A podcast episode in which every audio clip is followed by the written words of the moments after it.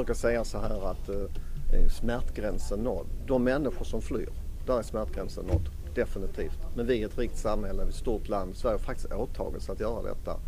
Och eh, man får sätta det lite, liksom, titta historiskt på detta. Nu lever vi nu, 2015. Nu ser världen ut som den gör. Det kommer skrivas om detta i historieböckerna. Och då tycker jag som svensk medborgare och eh, skattebetalare att eh, vi ska göra detta. Vi ska hjälpa människor. Det är faktiskt människor som flyr krig, urskillningslöst våld, tortyr. Det är det vi talar om. Velkommen til en ny utgave av podkasten til Aftenpostens utenriksredaksjon. Her hørte vi akkurat et lydkutt fra Sveriges Televisjon med Anders Danielsson, sjefen for det svenske migrasjonsverket. Han gjorde det klart at det ikke finnes noe øvre grense for hvor mange flyktninger Sverige kan ta imot. Og Slik skiller jo Sverige seg ut fra mange andre europeiske land. Hvorfor er det slik? Det er det vi skal snakke om i dag. Jeg heter Ingeborg Mo, og med meg i studio i Aftenposten har jeg europakorrespondent Øystein Kløvstad Langberg i Brussel. Hei. Norden-medarbeider Mona Klausen her i Oslo. Hei, hei. Og fra Berlin vår tidligere tysklandskorrespondent Ingrid Brekke, som bor i den tyske hovedstaden for å skrive bok. Hei, hei. Men først til deg, Mona Klausen. Du har jo sjøl snakka med Danielsson om hvordan Sverige skal huse, huse opptil 100 000 asylsøkere i år. I Norge venter vi at det kan komme 25 000. Dette er et tema som er, skaper stort engasjement på begge sidene av kjølen, og, og artiklene dine har også ført til noen reaksjoner. Ja, nordmenn følger jo veldig nøye med på inntrykk av det som skjer i Sverige, og er veldig interessert. Og i naboskapet tror jeg det ligger det at vi sammenligner oss litt. Eh, noen lesere virker eh, imponert over den svenske innsatsen, eh, mens andre syns, som jeg skal låne ord fra noen av reaksjonene, at svenskene er ganske gærne, eller uh, uforsiktige. Som ikke strammer inn uh, og måte gjør seg mindre attraktivt da, som uh, mottaksland. Men hva sier svenskene sjøl om den situasjonen de er i, og, og den politikken som føres? Ja, det, begge deler. No, mange ser det som et stort og dypt humanistisk prosjekt. Et storverk, kan man si. Og tenker at det Sverige gjør nå, det vil få en plass i historiebøkene. Det er mange frivillige som er i sving, og artister stiller opp, samler inn penger. Og vi må huske at 40, 44 eh, sa en måling nå nettopp at 44% av svenskene mener at landet faktisk bør ta imot flere flyktninger. Mens Men, andre er veldig bekymra. Ja, for nettopp det. det er jo, vi ser jo også at eh, det innvandringskritiske partiet Sverigedemokraterna er i medvind.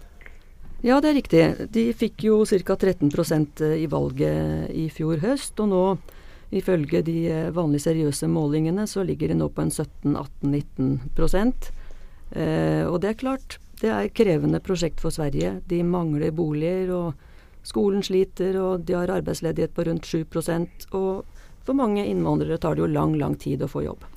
Men, men likevel så er jo flertallet stemmer jo fortsatt på partier som vil ønske en mer sjenerøs flyktningpolitikk enn det vi ser i andre nordiske land.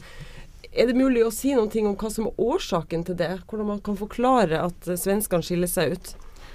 Ja, det er det mange som lurer på. Det, jeg har hørt flere teorier. Um, kan referere til noen av altså velf Sterke velferdsstater er jo tilbøyelige til å ha en ganske åpen asylpolitikk, eh, sier forskere. Og eh, så er det det at i moderne tid har jo ikke Sverige vært i krig. Eh, det fører til, sier man, at de ikke er så opptatt av å beskytte grensene sine. Det er et eksportretta land. Eh, liberalismen, individets frihet, står sterkt. Andre sier at eh, Sverige har en lang tradisjon for internasjonal solidaritet, og at humanismen står sterkt. Men eh, la oss gå til deg, Øystein Langberg, eh, som er vår nye europakorrespondent i Brussel. Den første måneden du har vært der, har du jo reist mye nettopp til eh, land i Europa som mottar mange flyktninger. Du har vært både i Hellas og i Ungarn de siste ukene. Eh, hva sier flyktningene om de ulike mottakerlandene som de er på vei til? Nei, altså De er alltid veldig opptatt av å understreke at hovedgrunnen til at de drar, eh, ikke er fordi de har så veldig lyst til å flytte til Europa, men fordi situasjonen i Syria, da, som, som det ofte handler om, eller Irak, eh, er ulevelig. Eh, noen flyktninger jeg snakka med i Tyskland for noen måneder siden, forklarte at de reiste til Europa uten noen klar formening om hvor de skulle. Men at de på vei opp gjennom Balkan begynte å gjøre research. Og da snakker vi Google, vi snakker masse grupper på Facebook hvor man diskuterer disse tingene. Uh, og Grunnen til at de da ender opp i Tyskland og Sverige, er en blanding av flere ting, tror jeg. De har gode sosiale ordninger, og det vet flyktningene. Um, og de vet også at innbyggerne i disse landene i større grad enn andre steder vil ta dem godt imot. Vi har jo sett disse plakatene med Merkel f.eks. flere steder. Og I tillegg, og dette gjelder særlig Sverige, er sannsynligheten for å få innvilget søknaden sin større enn i mange land. andre land. Altså Innvandringspolitikken er rett og slett mer liberal. Men hva sier de om uh, Norge, da? Ja, det er Jeg blir ofte spurt om Norge når jeg sier at jeg er fra Norge. Det er veldig få som bringer det opp selv. Uh, og da må jeg si at jeg ofte tar meg i et sånt ganske ullent politikersvar. For jeg har rett og slett ikke noe godt svar på om de bør dra til Norge. Uh, jeg sier at de vil få en rettferdig behandling av søknaden sin, men at strømmen også har vært økende til Norge, særlig de siste månedene. Uh, og at jeg rett og slett er litt usikker på hvor godt forberedt vi er på dette. Både institusjonene og ikke minst, minst folket på, å ta imot så mange, så mange flyktninger. Og, og, du Ingrid Brekke, som er i Berlin. Du har i flere år reist mye både til Ungarn og dekka den politiske utviklinga der. De siste månedene så har jo landet fått mye oppmerksomhet uh, for måten de har takla innvandringsstrømmen på. og De har fått mye kritikk. Uh, vi har sett piggtrådgjerder, tåregass, fotografer som tar beinkrok på syriske flyktninger, og en statsminister som sier han kun vil ha kristne innvandrere. Kan du gi noen forklaring på hvorfor Ungarn har en slik holdning, og hvorfor det skapes et slikt bilde av Ungarn? Ja, altså hoved, Hovedforklaringa er jo ren innenrikspolitikk. Altså eh, Regjeringa Orban, som nå har sittet i fem år, eh, sto i vår svakere enn en eh, noensinne. Delvis de, har de møtt masse en sterkere opposisjon fra det virkelig ekstreme høyre. Altså Orban-regjeringa selv er jo nasjonalkonservativ og veldig nasjonalistisk. Men Jobbik, dette høyreekstreme partiet, eh, vokste fordi eh, Fides, som partiet til Orban heter, eh, ble svekka. Delvis også pga. anklager om korrupsjon. Så, så, han har sett dette som en mulighet til å, til å både fiske i samme vann som de høyreekstreme og markere liksom nasjonen Ungarn sitt forsvar mot den truende omverdenen. Dette er strenger, politiske strenger han har spilt på hele tida, altså nasjonalisme. Hvordan den ungarske nasjonen er trua, eh, enten det nå er fra, fra Brussel, altså type sånn klassisk eh, anti-EU-retorikk, eller da eh, som han sa i en tale i sommer mot horder av innvandrere som truer fra, særlig fra det mørkeste Afrika. Da. Det har de vært opptatt av. Han har jo på en måte fått oppleve den virkeligheten han har snakka om en stund, truer, ved å, ved å sette opp piggtrådgjerde og kunne vise bildene av disse flyktningene som presser seg inn i landet. og sånn. Så dette har vært stor innenrikspolitisk suksess for han. Ungarn er ikke det eneste øst- eller sentraleuropeiske landet som eh, sier nei f.eks. til kvotefordeling av flyktninger osv. Eh, hva er det med, som kan forklare at de er mer eh, restriktive? Nei, Det er jo også sånn uh, historiske grunner. at i, i, Dette er jo land som i, lå under Moskva i, i etterkrigstida, var, tilhørte uh, den kommunistiske blokka og var uh, mer eller mindre harde kommunistiske diktaturer. Og Det innebar også at man levde veldig isolert. da. Altså man, man, så knapt andre enn seg selv, og man har veldig liten trening i å ta imot uh, flyktninger eller innvandrere eller folk fra andre kulturer. Eh, så, så, sånn sett, Det har de til felles, alle disse landene. Og, sånn som også Polen måtte jo presses veldig hardt for å akseptere disse kvotene. Og enda er det vel fire Ungarn og, og tre andre av de mindre landene som, som, ikke vil gjøre det. Så, og Det skyldes nok delvis dette, men, men det har slått så ekstra ekstra hardt. og og, og brutalt ut i Ungarn pga. denne Orban-politikken. Altså han har utnytta eh, strømninger som, som, nok ligger i alle disse landene, men det er ingen andre som har utnytta det på samme eh, harde måte som han. da. Øystein Langberg i Brussel. Eh, Ungarns statsminister Viktor Orban eh, han eh, har som sagt fått mye kritikk for, for den måten han har eh, takla flyktningstrømmen. Men, men, samtidig har han ikke litt rett når han sier at yttergrensene må sikres? Jo, eh, jeg tror det. Eh, og dette med grensekontroll og hvor stagget strømmen har etter hvert kommet veldig høyt på agendaen til, til, alle EUs ledere. Eh, men det er selvfølgelig ingen som ønsker å stå i ledetog med Urban fordi han er så kontroversiell og kommer med disse ekstremt krasse uttalelsene om muslimer og innvandrere igjen og igjen. Og da ødelegger han nok veldig mye for seg selv og en mulig koalisjon der også flere land enn disse få i øst kunne vært med.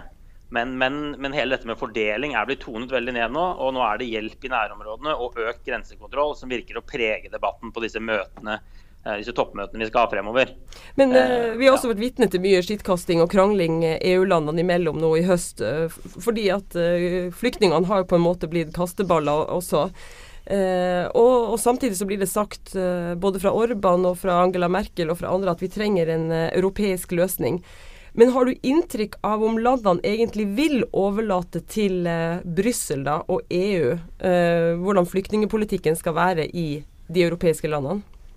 Altså, jeg tror i hvert fall i utgangspunktet eh, så går dette med flyktningpolitikk rett i hjertet av hva det vil si å være en nasjonalstat. Altså ha kontroll over grensene sine og hvem skal få komme. Og Derfor var jo også reaksjonene så sterke da EU-landet tvang gjennom denne fordelingen av disse 100 000 flyktningene eh, i forrige måned. Eh, og Slovakia nekter jo f.eks. For fortsatt å gå med, med på dette.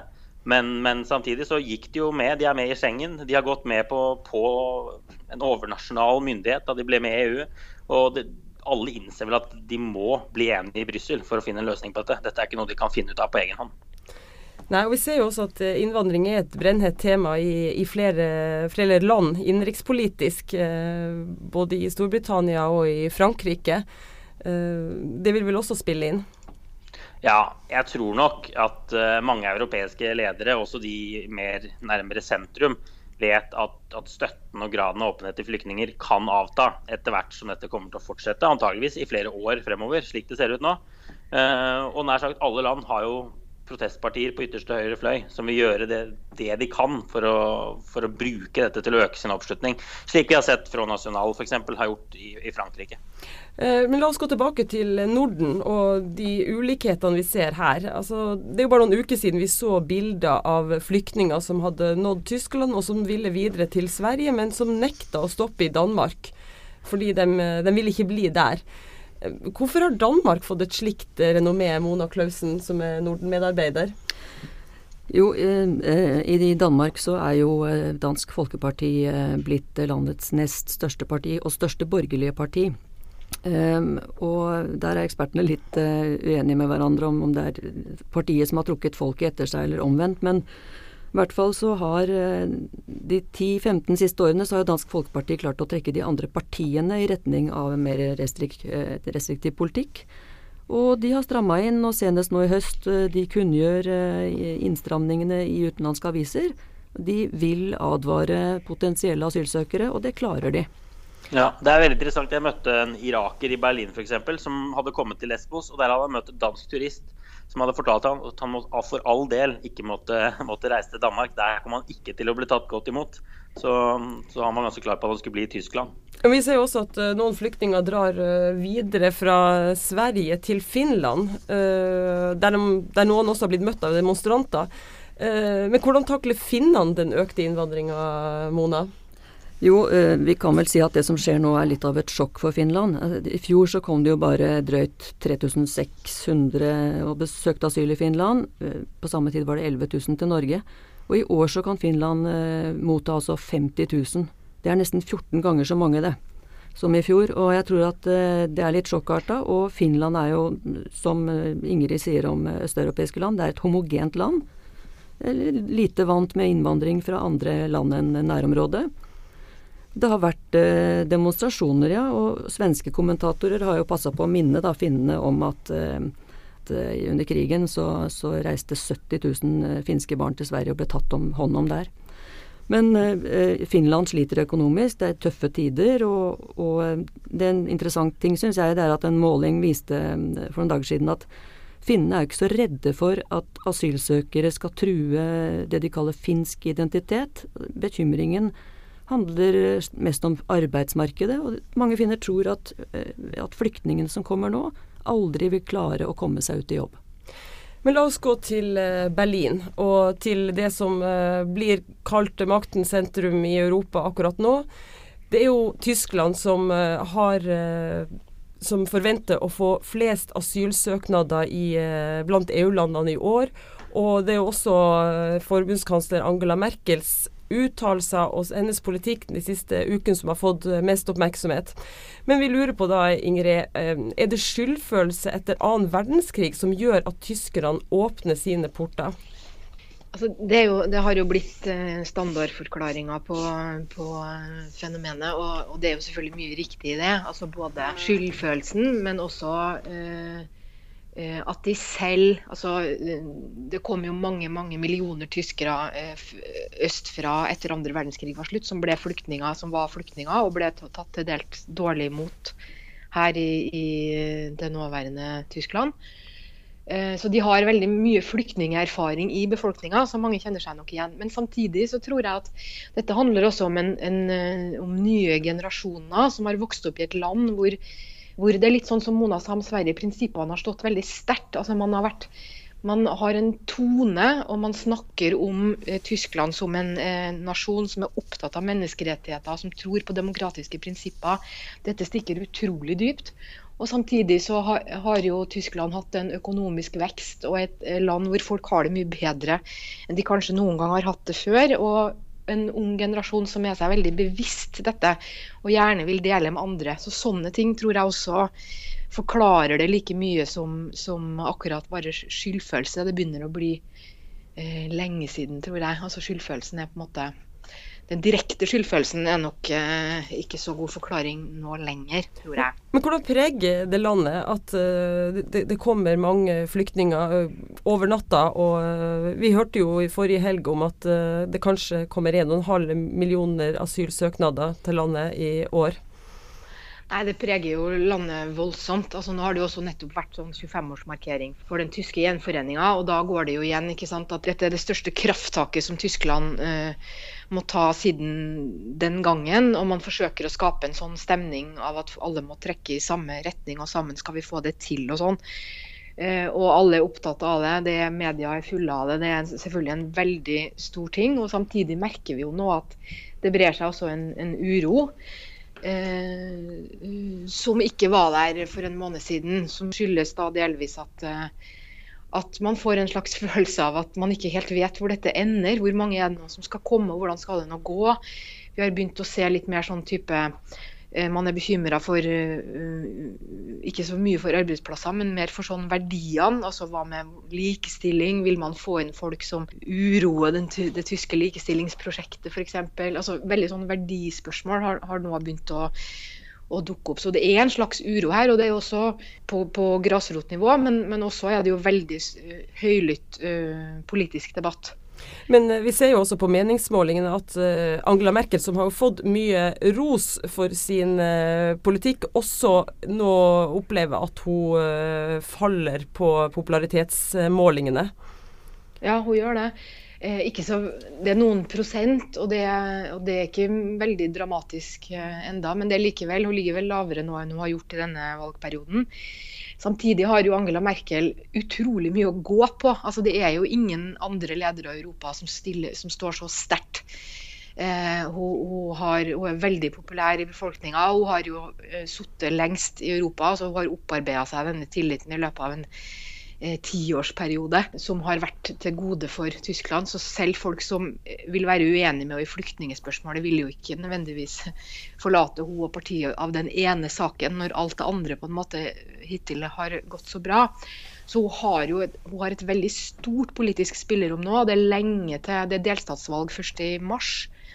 Så nå har hun vinteren på seg til å få orden på dette. Det er nettopp sprøyta mange milliarder inn i i systemet som forhåpentligvis vil dryppe ned på lokalplan, hvor det har vært store vanskeligheter med organiseringa og sånn. Men, men, som sagt, nå har hun, hun har tid på seg, så det er veldig spennende å se om hun klarer å få dette under kontroll. Eh, la oss gå tilbake til eh, der vi begynte, i vårt eh, nærmeste naboland Sverige. Mona Klausen, du som følger svensk politikk tett, og som har snakka mye med svensker om den, dette store politiske saken. Hva er ditt inntrykk av hva mannen i gata sier? Jo, som jeg sa tidligere, så sier de jo både de er for og imot, eh, og de fleste for i og for seg, selv om eh, det er vel en opptil 30-40% som i og for seg er bekymret nå for innvandringen. Men vi, vi, må ikke glemme historien. altså Så å si alle nålevende svensker har vel levd eh, Kjenner Sverige som et innvandringsland fra fra flyktninger som de tok imot uh, under krigen. Rett etter krigen så begynte jo svenskene å hente arbeidskraft fra Italia, Ungarn, Østerrike. Og så fortsatte det med politiske flyktninger fra Ungarn, Tsjekkoslovakia, Hellas osv. Og, og det kom asyrere på 60-tallet, chilenere, iranere. Og har du mange, så kommer det flere. Altså det som kommer, kalles kjedemigrasjon. I dag så er det for mange svensker en selvsagthet at befolkningen er sammensatt. Eh, det er liksom ikke noe rart med det, og det tror jeg, det tror jeg preger eh, holdningene. I den svenske regjeringen sitter det jo f.eks. fire-fem ministre med etternavn som viser at de selv eller en av foreldrene kom utenfra. Kulturlivet, masse, masse mennesker med, med ikke Svensson-navn, for å si det sånn. Så dette er ikke noe rart. Da skal vi runde av uh, denne podkasten. Alt til uka er det et nytt EU-toppmøte der flyktninger sannsynligvis vil bli tema igjen, og det følger vi selvfølgelig i Aftenposten. Aftenposten Verden er over for denne gang. Følg oss igjen neste uke. Da er det nytt tema og nye røster både fra vårt korrespondentkorps ute i verden og fra vår hjemmeredaksjon.